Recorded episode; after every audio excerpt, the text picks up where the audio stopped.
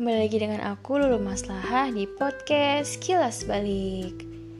Nah, di episode kali ini aku akan mereview materi tentang aspek-aspek administrasi part 2. Dalam materi ini, aku akan mereview materi tentang efektivitas dan efisiensi, komunikasi dan koordinasi, dan juga kinerja dan produktivitas.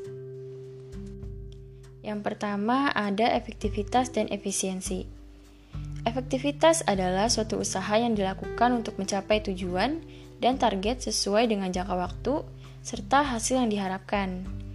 Efektivitas juga lebih terarah pada tujuan yang dicapai tanpa mementingkan pengorbanan yang dikeluarkan.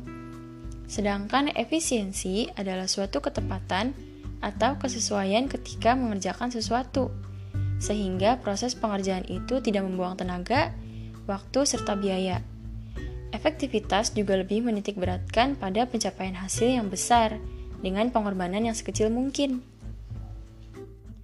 Contoh dari penerapan efektivitas dan efisiensi itu adalah pada penggunaan tangga dan lift.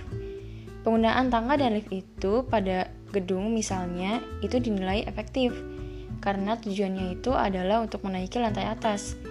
Namun jika dilihat dari segi sumber daya dan waktu, Lift itu bisa dikatakan lebih efisiensi karena tidak mengeluarkan energi yang banyak dan juga waktu yang tidak banyak. Sedangkan tangga itu menguras energi kita dan juga memakan waktu lebih banyak dibandingkan dengan lift. Selanjutnya ada komunikasi dan koordinasi. Komunikasi adalah suatu proses penyampaian pesan atau informasi dari seseorang kepada orang lain, baik secara verbal maupun nonverbal. Penyampaian pesan dapat dilakukan dengan menggunakan simbol, tanda, atau tingkah laku. Sedangkan koordinasi adalah suatu usaha yang sinkron dan teratur untuk menyediakan jumlah dan waktu yang tepat dan mengarahkan pelaksanaan untuk menghasilkan suatu tindakan yang seragam dan harmonis pada sasaran yang telah ditentukan.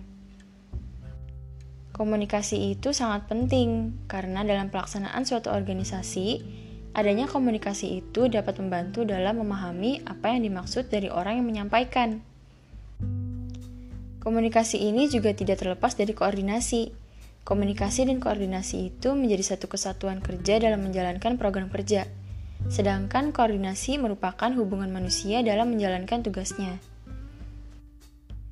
Dan yang terakhir ada kinerja dan produktivitas. Kinerja itu biasanya fokus pada suatu aspek tertentu. Kinerja concern pada pencapaian optimal atau mencapai level expert dalam satu bidang keahlian tertentu. Sedangkan produktivitas lebih terkait dengan beragam aspek kehidupan yang pada saat tercapai dengan baik disebut optimum balance of life dan berlangsung secara terus-menerus. Dengan demikian, paling tidak ada dua perbedaan mendasar dalam penggunaan kedua istilah itu, yaitu scope dan frekuensi. Produktivitas mempunyai lingkup perspektif yang lebih luas dan dapat dilihat dalam frekuensi sehari-hari. Selain itu, ada juga perbedaan lain dari kinerja dan produktivitas.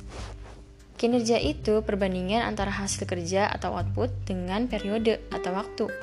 Sedangkan produktivitas perbandingan antara hasil kerja atau output dengan sumber daya yang digunakan atau input. Kinerja itu pembagi kinerjanya adalah waktu yang dibutuhkan, sedangkan produktivitas pembaginya itu adalah sumber daya yang digunakan atau input. Kemudian, kinerja itu lebih menitik beratkan pada efektivitas penggunaan waktu, sedangkan produktivitas itu lebih menitik beratkan pada efisiensi penggunaan sumber daya. Selanjutnya, ada kriteria dalam kinerja dan produktivitas.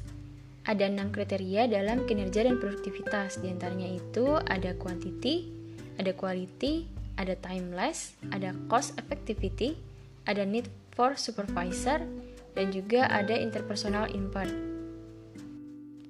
Oke, mungkin itu aja yang bisa aku review untuk materi kali ini. Kita akan ketemu lagi di episode selanjutnya. See you soon!